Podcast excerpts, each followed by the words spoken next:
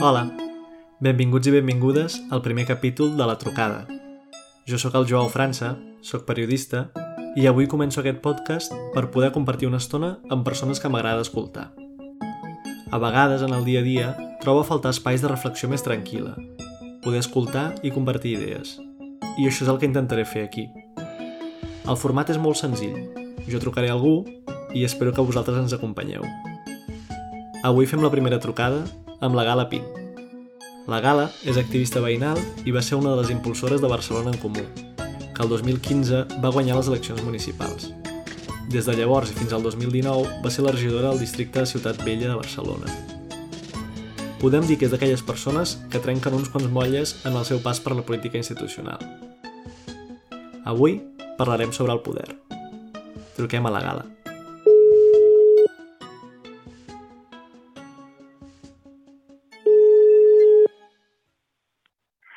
Bones.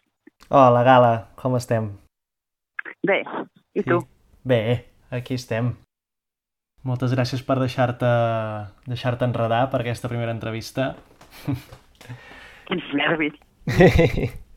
que tot això et comentava una mica, no?, abans de, de trucar-te, que, que jo durant aquest confinament i postconfinament he estat fent unes quantes entrevistes per telèfon, he vist que gravades quedaven, quedaven prou bé i que potser funcionava fer un, fer un podcast, no? Que d'entrada jo et dic que a mi m'agrada molt parlar per telèfon, mm, sé que hi ha gent que li té una mica de mania, no sé si a tu és un mitjà que t'agrada, si prefereixes les videotrucades, si millor tot per escrit i que no t'atabalin... Pues jo depèn, no, no tinc una posició concreta. I quan m'ho vaig comentar per Telegram vaig pensar, ai, jo no lo sé, no, no ho tinc clar en general, crec que les trucades per telèfon eh, aclareixen i són molt més funcionals que mil missatges de WhatsApp i de, i de Telegram. Però és veritat que hi ha trucades que fan mandra. Aquesta no, però hi ha d'altres que dius, ai, ara... Gràcies. No, també hi ha aquest... Una... Ara ja també et, et foto la meva xapa, eh? però aquests dies llegint sobre metodologia de ciències socials i així, eh, també hi ha qui diu com que l'entrevista per telèfon té un avantatge que és que la persona no ha de fer una, un treball d'expressió no? eh, corporal, física i així. Jo tu em dius que no et fa mandra, però clar, podries estar fent cara de mandra i estar més tranquil·la, no? que si estiguéssim en directe. Bueno, això també és com una desavantatge per la gent que són molt gestuals, no? I jo parlo molt amb les mans, i llavors pues, estic aquí sola en una habitació gesticulant sense que tu vegis la meva gesticulació ni ajudi a interpretar el que dic. doncs, escolta, si et sembla, entrem, entrem en tema que, mm -hmm. com et comentava, a mi em venia de gust parlar amb tu sobre, sobre el poder, no? I... El dia després de que el rei hagi fugit del país amb l'encobriment del, del PSOE, sí. És un bon dia per parlar del per poder. parlar del poder, no? D'entrada, no sé, bueno, si et sembla començar per aquí, pensant en la teva experiència a l'Ajuntament, eh, d'entrada, si governant la ciutat, eh, o sigui, governar la ciutat és tenir poder o, o el poder és una altra cosa? Bueno, uh, evidentment és un espai, no? El govern d'una ciutat, i més d'una ciutat com Barcelona, és un espai de poder respecte a d'altres espais en els que hem estat. Ara bé, jo sempre m'imagino com una espècie de aquí segur que hi ha molts científics i acadèmics que es tiraran cabells sentint això, però jo imagino com una espècie de triangle. Al final la política és com una espècie de camp de batalla, ¿no? I la ciutat és un, bueno, és un camp de batalla de conflicte de, eh, de conflicte d'interessos i aquí hi ha com tres actors que d'alguna manera defineixen els equilibris de poder. L'administració pública, el, el govern de la ciutat, l'altre són com els actors, o sigui, el sector privat, per dir-ho d'alguna manera, i l'altre seria com la ciutadania, no? aquells que no tenen poder mediàtic, econòmic i de més, però que d'alguna manera eh, moltes vegades, i si pensem des dels moviments, són ells que estan fent una defensa de, de l'interès general. Llavors, eh, clar, tu no arribes a, al govern de l'Ajuntament i tens el poder per transformar les coses. És una negociació contínua amb la realitat i amb els diferents actors que composen, que composen la ciutat. Alhora també l'administració té capacitat de transformació de realitat i això jo crec que és una mena de, de poder. Per tant, així com per resumir, diria, eh, és estar en el poder? Sí i no, depèn de com entenem el, el poder i sobretot present que no, si tenim present que, que això, que la política és com una negociació contínua amb la, amb la realitat i un camp de batalla on eh, un govern municipal és un actor més, però no és l'únic actor. Mm. Tu planteges aquest triangle i ara penso si potser eh, des de fora de la institució, no, com a ciutadania organitzada, la negociació és més amb la institució i no tant amb aquest altre poder, no? que segurament des de la institució estàs en contacte amb les dues bandes. Sí, de fet, jo faig sempre aquesta distinció de dir que una de les coses que em va sorprendre molt, malgrat ser una obvietat, és que de cop quan arribes te n'adones que hi ha una gent que es considera els subjectes legítims de la ciutat, no? Hay, pues, que són gremi de restauració, d'hotelers, eh, determinades corporacions eh, de comerciants, no? així com... Tot Ui, t'he perdut, Gala. Coses del telèfon. Ai, perdona. pues, M'he allunyat de... No, hi ha un que, que ja no és um, que estiguis en contacte amb ells, sinó... Ui, sinó que fins i tot el que... O sigui... Hola?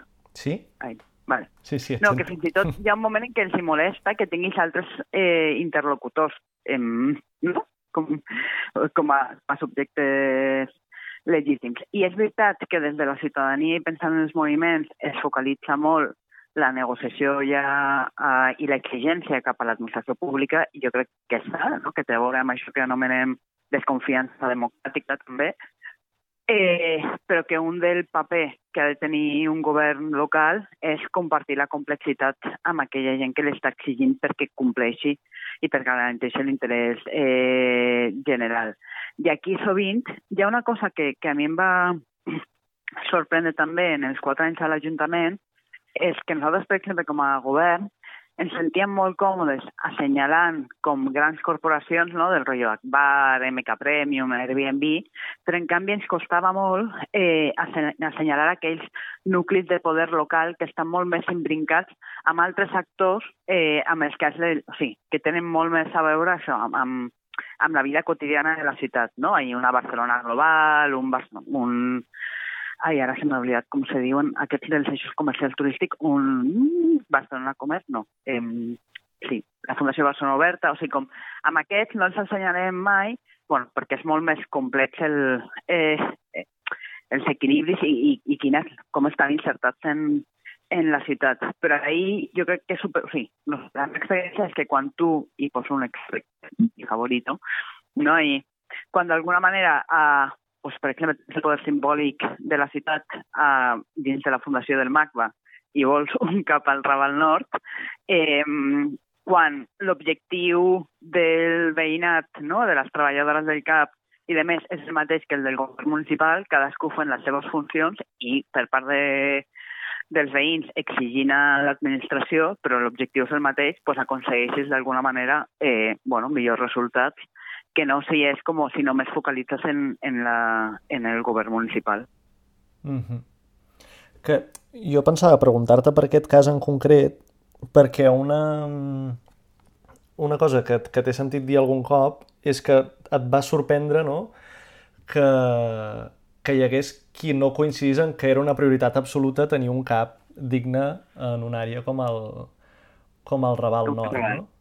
Sigui, clar, d'entrada, què és el que, el que fa que la gent no coincideixi en aquesta necessitat, no? Sí, coincideix una forma muy em vaig flipar molt, era com, Dios mío, ¿qué está pasando aquí? Están hablando en Klingon, Dios, no tengo un traductor universal. No, sí, sí, per mi això va ser com molt... O sigui, aquí crec que hi ha com tota una sèrie d'elements, de, no? O sigui, ara dient-ho així com de manera molt popular, a la Fundació del MACBA trobes amb gent a la que no li han dit més que no ni en casa ni en el treball ni en la discoteca, no? I de cop eh, una Fundació del MACBA molt preocupada per defensar el llegat de Leopoldo Rodés, perquè quan no tens projecte per museu i quan no tens imaginació tires de memòria, llavors era com, per ells era impensable que l'ampliació del MACBA es donés en un altre lloc que no fos la capella, juntament amb unes dinàmiques per part de les administracions, principalment de l'Ajuntament de Barcelona, però també del Govern de l'Estat i de la Generalitat, en la que efectivament eh, el MAC va estar dins aquest pla no? del Liceu Seminari i de fer com del Raval un barri cultural i per aquí s'han fet moltes inversions, com em deia una representant del govern de l'Estat, des de 1983 perquè això fos la plaça, la plaça del MACBA i després amb una desconnexió brutal amb la realitat quotidiana de la gent i, a més, eh, bueno, un, un classisme, no sé, exacerbat en el sentit de, evidentment, els veïns pobres del, del Raval no seran més importants que unes obres d'art de la col·lecció de la Fundació del MAC. Va, llavors,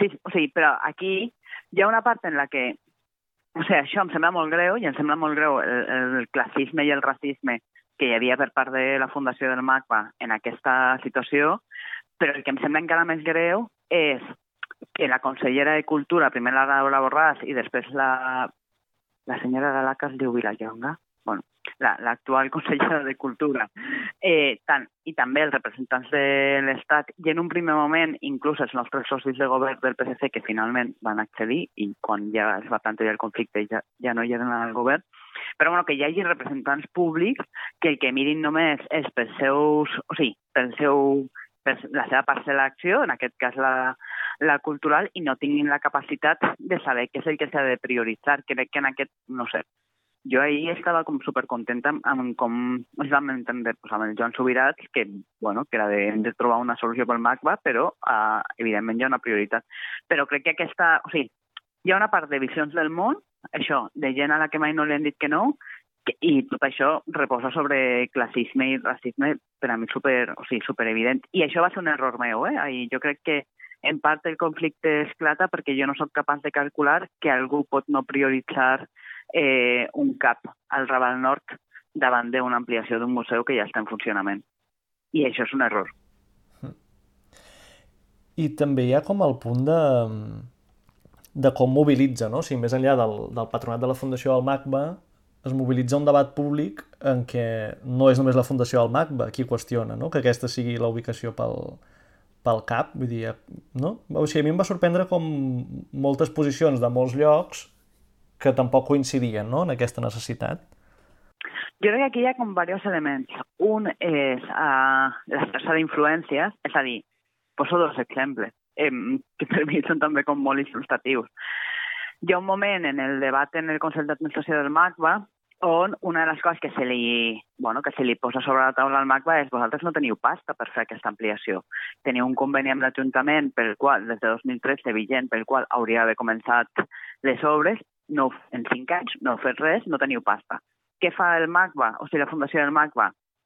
Agafa el telèfon, truca al Ministeri de Cultura, al següent Consell d'Administració ve el vicesecretari, no sé, algun senyor d'aquests molt importants del Ministeri, a dir que posaran pasta per l'ampliació. La, Què fan els, els veïns? Pues com a molt em truquen a mi, que soy muy maja, però que diguem que la meva capacitat d'influència és bastant... No? En aquest moment era, era bueno, ara és molt és, és ínfima i, ara, i en aquest moment era bastant bastant menor, no? I com a molt, no sé, poden trucar pues, a un periodista com tu, a una Elena López, però el MAC, o sigui, la Fundació del MAC el que fa és trucar a la Vanguardia i la Vanguardia, jo recordo el primer article que, no? I que era confronta, el govern de Colau confronta salut amb cultura, no? amb aquesta trampa fal·laç, eh, l'ampliació del MAC en perill per un cap, no? aquest article indeterminat que mostrava com certa desdent no? cap a un, rei, un cap y que de cómo cuando estás allá dius, que esta peña toda tiene mutua privada i no entenen...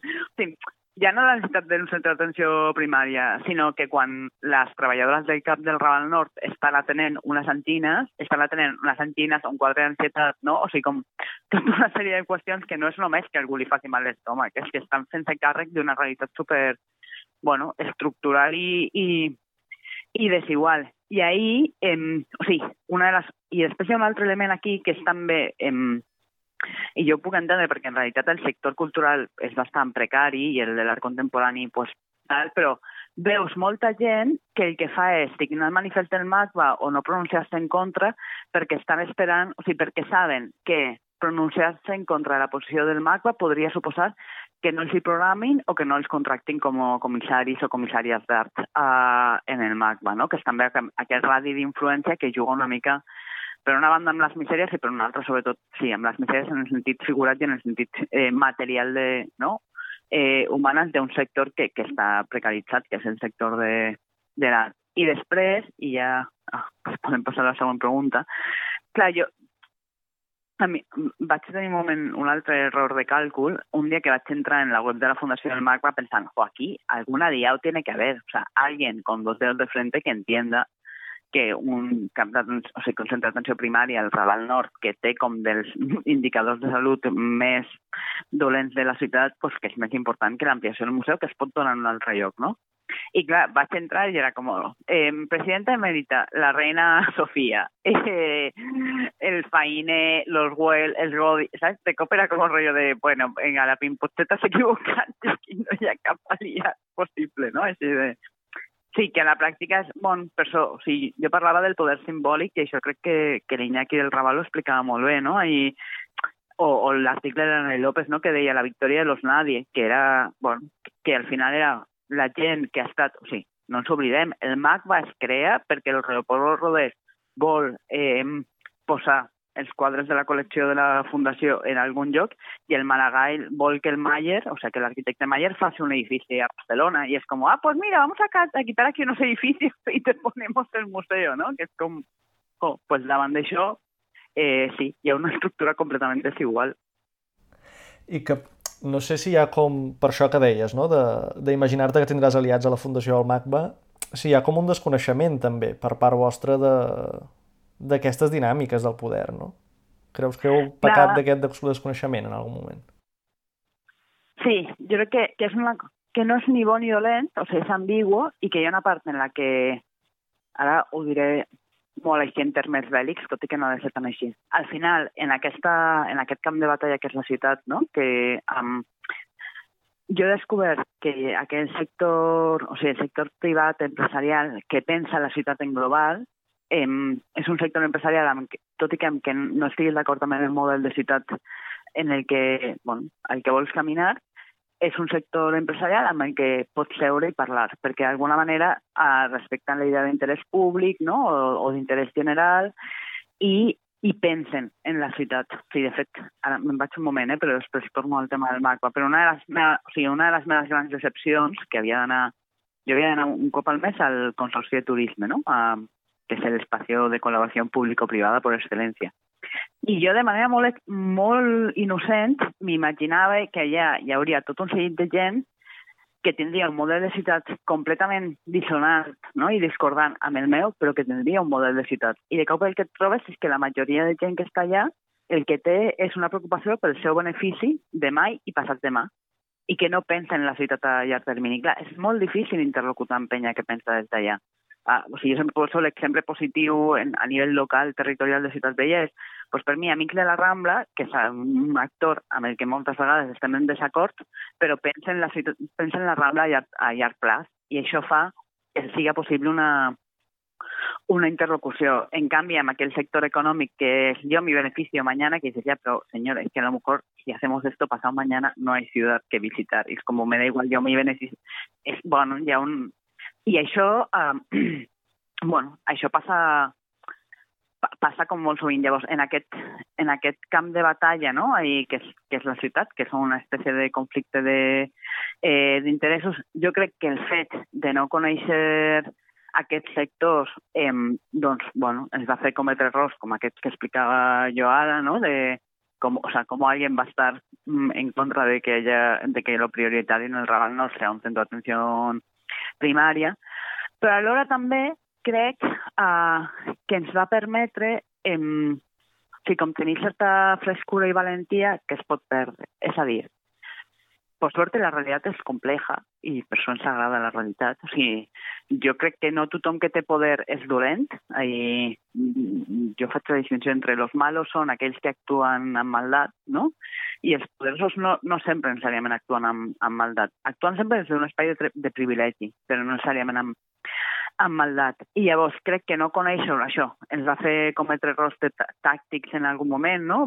Que, però que crec que han pogut ser bons, per exemple eh, recorde un debat al Col·legi d'Arquitectes sobre el 30%, eh, no? que el 30% s'havia bon, desenvolupat per una moció que presentaven els moviments socials, de fet, tots els moviments que treballen el tema de l'habitatge a, a la ciutat i hi havia un representant com, bueno, havia diferents representants, no? Pues un Pablo Molina, que és un advocat que generalment treballa per el sector privat, però que jo crec que té la, la idea de funció pública al cap, malgrat treballar pels seus, eh, pels seus clients, evidentment, no? Gent més propera a Convergència, més, més propera al PSC, això del sector immobiliari i tal.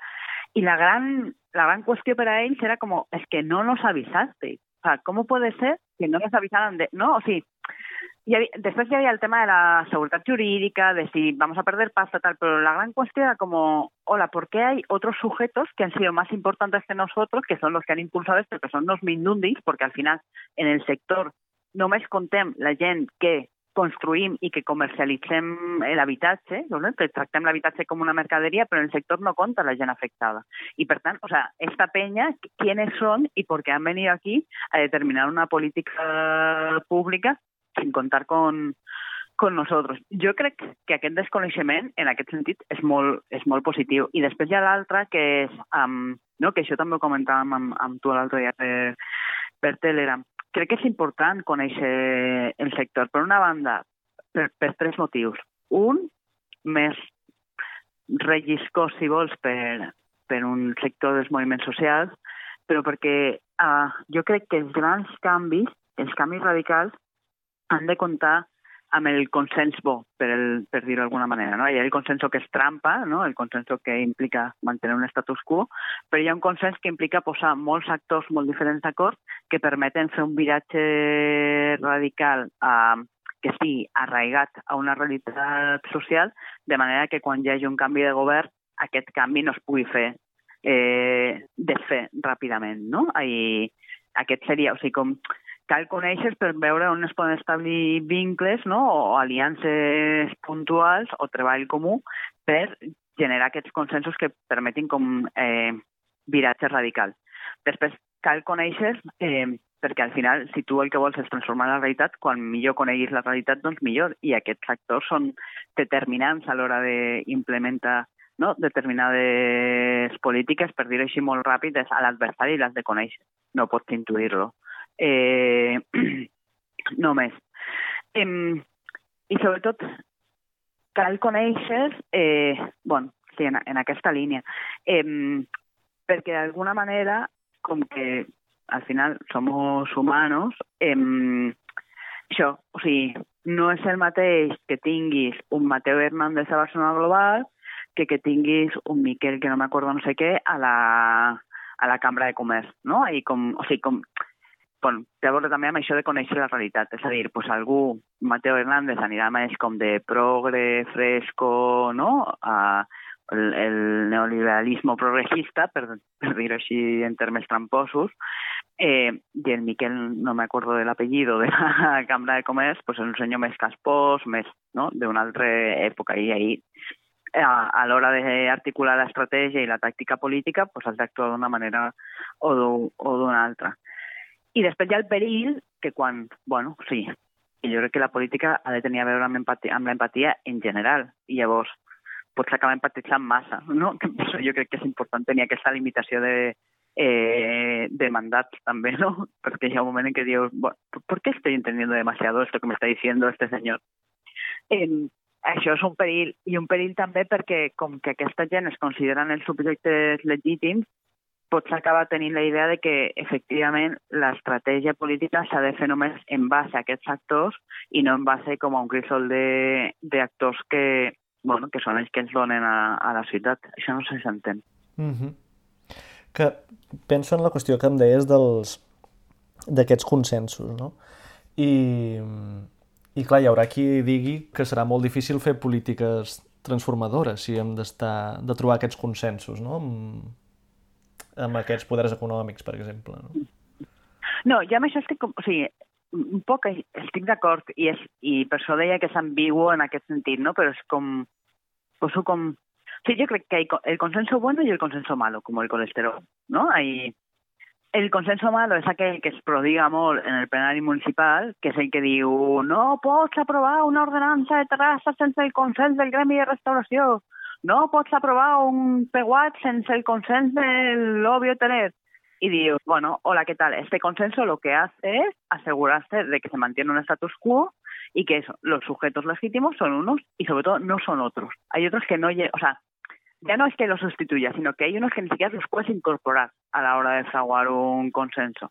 Aquest és el consens dolent, no? I, i després del consens bo, això, que genera com grans, bueno, que, que és com una multiplicitat d'actors. És veritat que això pot fer perdre radicalitat i aquí és un càlcul continu entre, bueno, entre això, que com tiene els mecanismes de resiliència i alhora també com, bueno, com a què renuncias ja que no. Y aquí, o sea, yo creo que no hay una fórmula mágica sencera, ¿sabes? No es, no es que hay que hacerlo así siempre, pues depende, depende en cada, en cada cas. Jo crec que en temes de, per exemple, mobilitat i contaminació, malgrat pues, hi ha un pequeñ sector que surti, crec que s'està generant un, un consens d'aquest ampli. Eh, eh, en d'altres temes, o cre crec que encara queda com molt de camí per recórrer i, per exemple, el tema del turisme és un d'ells, no?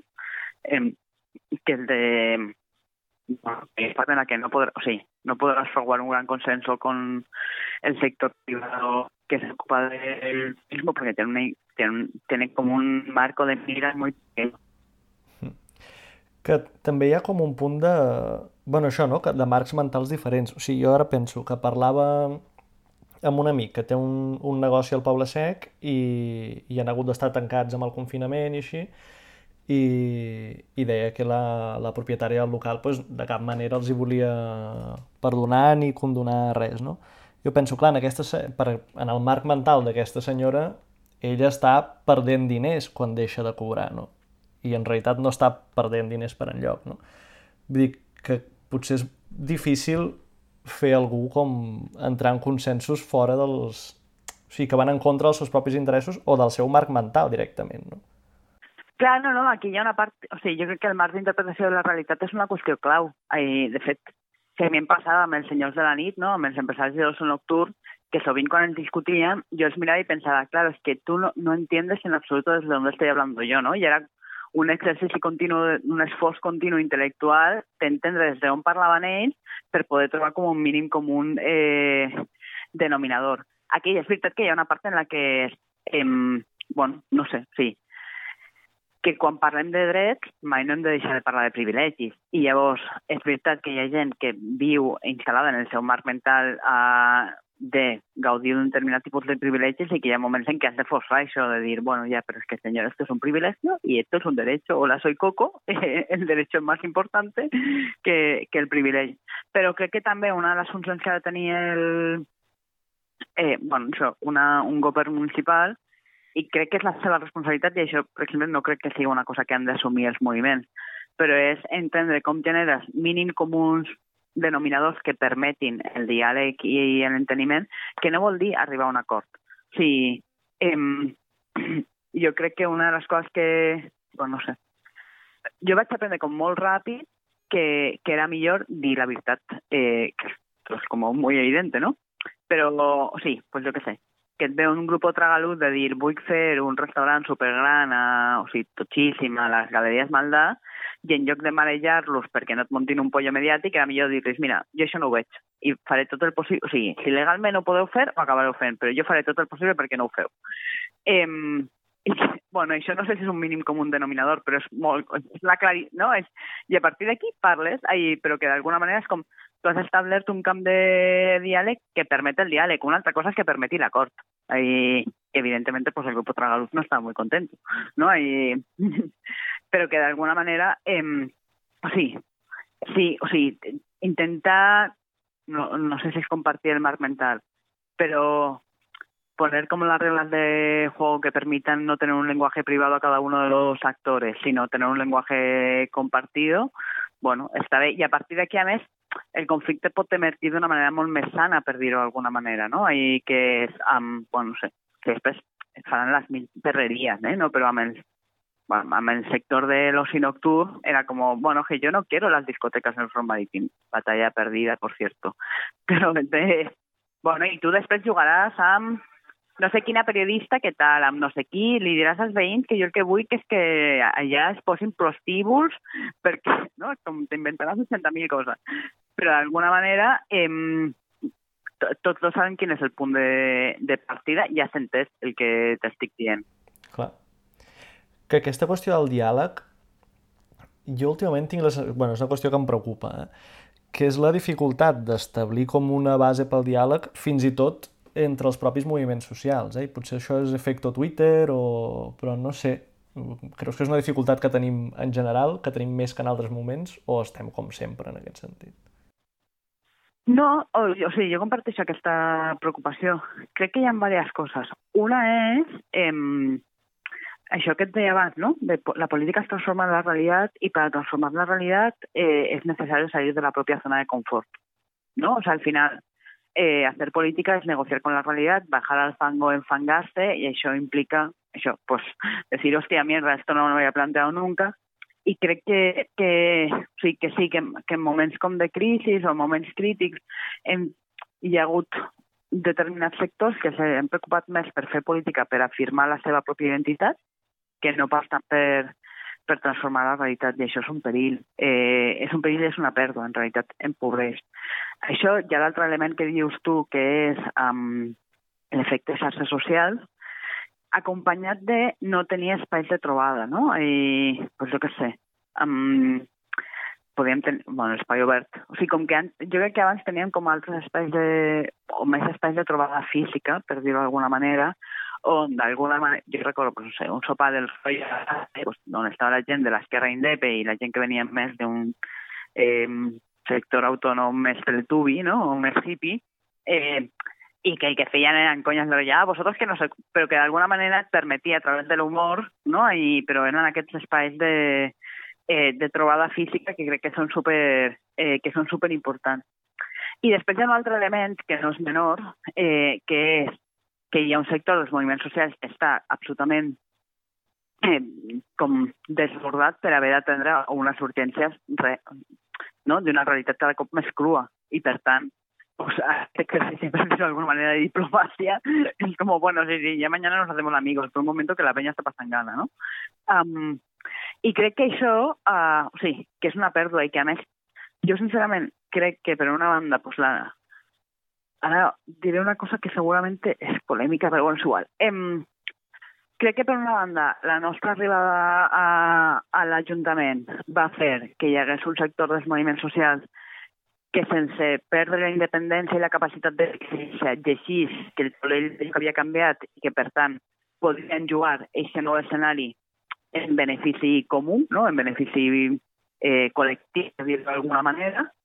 Eh, però que va haver un altre sector de socials que això no va saber llegir-ho o que no ho va incorporar i que, per tant, eh, bueno, sí, això va generar com, com alguns moviments que tenien més veure amb com desgastamos al gobierno pase lo que pase, ¿no? Que la, bueno, exigirnos, pero por ahí ir un poco más allá y ver dónde hay que presionar, dónde, o sea, dónde hay que presionar, pero también dónde hay que aliarse, porque en realidad la peña que está haciendo que esto pase tiene mucho más poder que los que estamos en el gobierno.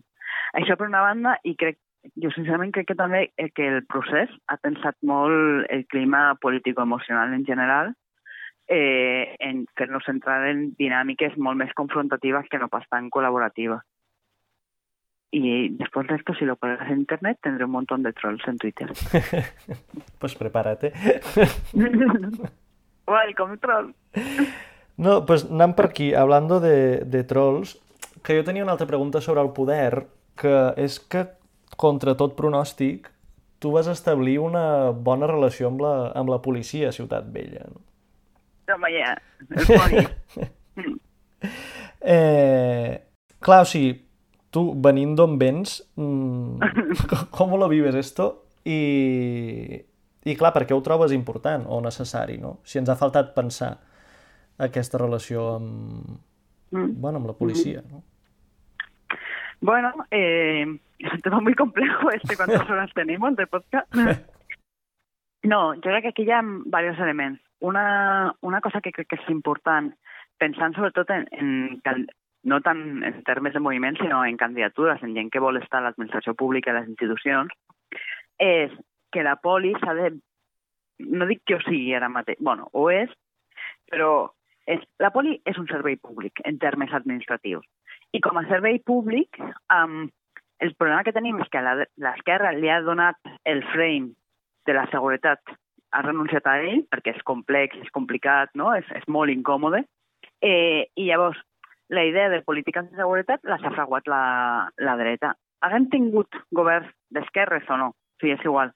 La, el marc mental és de, la, és de la dreta. Però com a servei públic, la poli ha de complir dos principis bàsics. No dic que es compleixi sempre, eh? però hauria de fer-ho.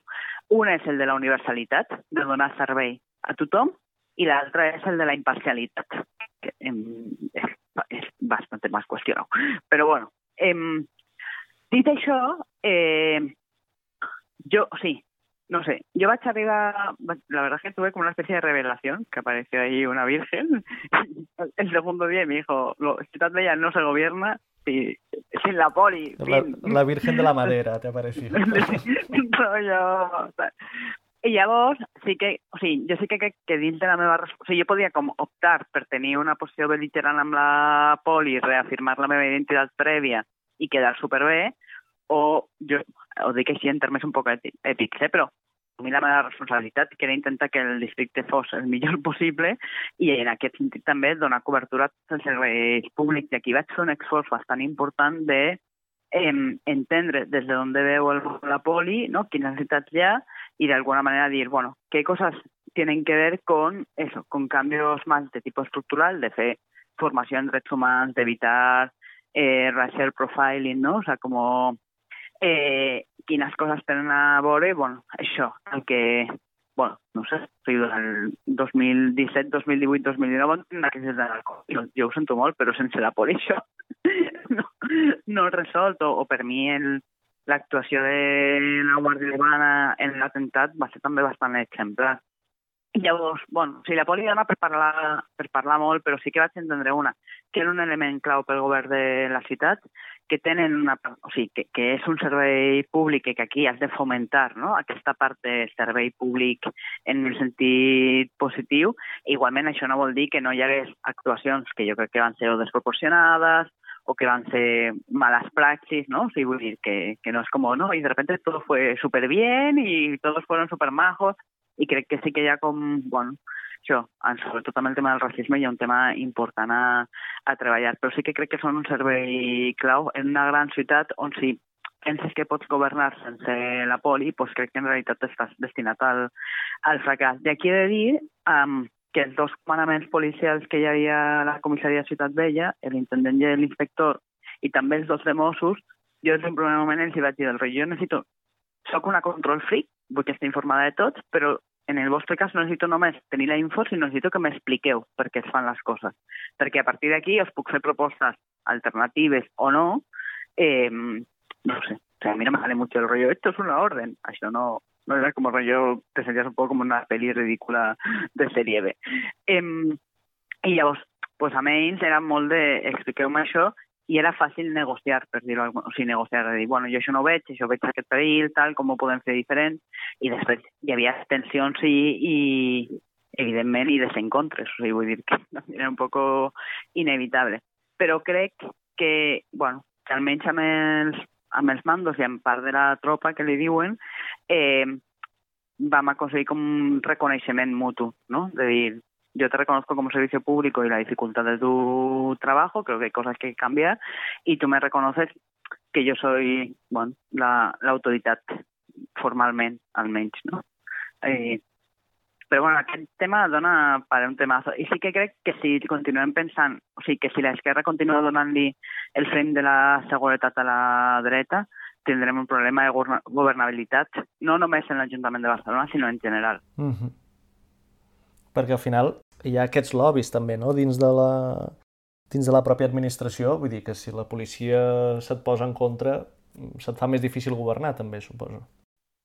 hasta, o sigui, porque los polis en todas partes tienen mejores salarios que muchos otros funcionarios. No, jo aquí també una cosa que vaig aprendre que és molt incòmoda estar en el govern i que, eh, que ser criticada i em semblaria molt normal que es critiqués, és que tu també has d'entendre que, o sigui, la poli és gremialista i en part té sentit, no? Perquè té una part com de, vulner de vulnerabilitat o de sentiment de vulnerabilitat del riu, jo soy el que salgo i me puede pasar algo en la calle. Llavors, quan hi ha una mala praxis, tu has de tancar files cap en fora i cap endins pot ser dur i, no? I, i, i impartir disciplina, per dir-ho així, com en termes també de peli. I això, per exemple, per gent com nosaltres, com el Jaume, tal qual, pues costaba molt, ¿no? Porque era como rollo de, yo ahora tengo que salir a decir, o sea, no salir a decir que esto que han hecho me parece mal, pero ha una part en la que és com, sí, bueno, és com part d'aquesta negociació sutil i invisible que es dona, que és, i que això implica que si tu surts a criticar-los, ells tenen una reacció gremialista. En canvi, tu que fas és defensar-los cap fora i ser cap eh, sector ampli de Guàrdia Urbana, que es creu la seva feina, que vol treballar per la ciutat, que es creu la funció pública, amonesta també aquells que tenen males pràctiques, no? del rotllo, tu no pots menjar-me uniforme. Llavors, un equilibri incòmode, difícil, i que a més jo crec que li queda com molt de camí de recórrer de fer, bueno, de fer un canvi també, això, pues, més en matèria de drets humans, de societats més complexes i, i més diverses, no? Que d'alguna manera és com, ostres, jo crec que que la formació policial té molt... A... O sigui, encara està. No la conec molt, però encara està pensat en una sociedad mucho más homogénea y dices, no, que cada vez las sociedades van a ser más complejas, más diversas y tú tienes que poder incorporar esa diversidad esa complejidad en tu forma de, de actuar y de leer la realidad y no pensar que todas las personas árabes eh, seguramente son eh, susceptibles de haber cometido un delito, no? O sigui, com has de fer molta feina en. Que jo crec que aquesta qüestió com de tancar files de cara en fora segurament és el que més us, us hauran criticat no? en aquest sentit, i potser no només amb la, amb la policia. O sigui, tu creus que, que funciona al final, que val la pena? Jo, que no he pensat... Bueno, he pensat diferents coses i no tinc una postura superclara. Eh, mira, això també, hola queridos trolls del otro lado, eh, Però jo tenia la de que, jo què sé, pues que els 100 treballadors del districte de Ciutat Vella i els quasi 300 polis de la comissaria eren en part responsabilitat meva. O sigui, I en aquest sentit, eh, crec que els teus equips, bueno, pues has d'entendre'ls, poder ser, també això, poder ser dur quan cal, eh, però també protegir-los, per dir-ho d'alguna manera. És a dir, eh, jo per mi era important evitar una cosa que potser va ser un error, de dir, solo para quedar bien yo, la figura de Gadapín, eh, con un determinado sector, no voy a salir a hacer unas teclas, si eso me dificulta luego poder trabajar con la urbana en un determinado momento y que según que, que según que malas prácticas se puedan trabajar de una manera como más estructural que no si salgo ahora y monto un pollo interno. Que ahí hi ha un equilibri de forces, evidentment, però però vamos, ahí. A banda això, de que hi ha tota una feina invisible, o sigui, la seguretat té un rollo que és que cuando las cosas van bien, nadie le dice que guay la poli que las cosas vayan bien. O sea, solo salen, ¿no? Ahí, la poli solo es noticia cuando las cosas van mal. Ahí, hi ha una part en la que també veus, veus molta feina invisible que es fa que dius, ostres, que aquesta està ben feta, no? I més de mediació, més de tal. Després, això, hi ha qüestions puntuals que dius, bueno, más allá de que sea puntual, mm, es que no se puede permitir. O sea, aunque solo sea una, ¿no? Una discriminació racial. I... Però el cop tens com aquest, bueno, aquesta, aquesta foto complexa on la que, on, en la que vas lidiant amb ella, la veritat. No hi ha una fórmula màgica ni mucho más. Fins que plegues, no? Plegues. doncs Gala, portem ja crec que quasi 40 minuts xerrant. No sé si tens algun missatge final pels teus trolls, pels poderosos, pel... per a la gente normal, no sé.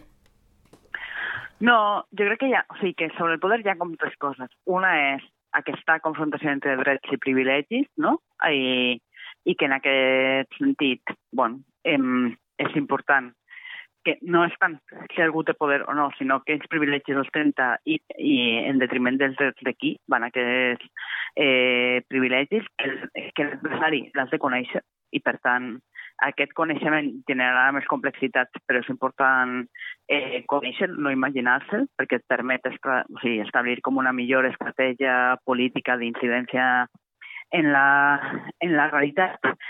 I la tercera és que segurament el poder no està només a les institucions, però aquí no hem entrat molt, però sí que en les institucions es generen dinàmiques eh, de poder, crec que és important establir mecanismes col·lectius per poder detectar-les i fer-li front o treballar-les, però no obviar-les o posar-les en una casella no, del poder corrompe i ja està, sinó dir, bueno, en aquells espais on es genera dinàmiques de poder, com, poder, com podem eh, combatre-les, o sigui, o, o lidiar amb elles de manera colectiva.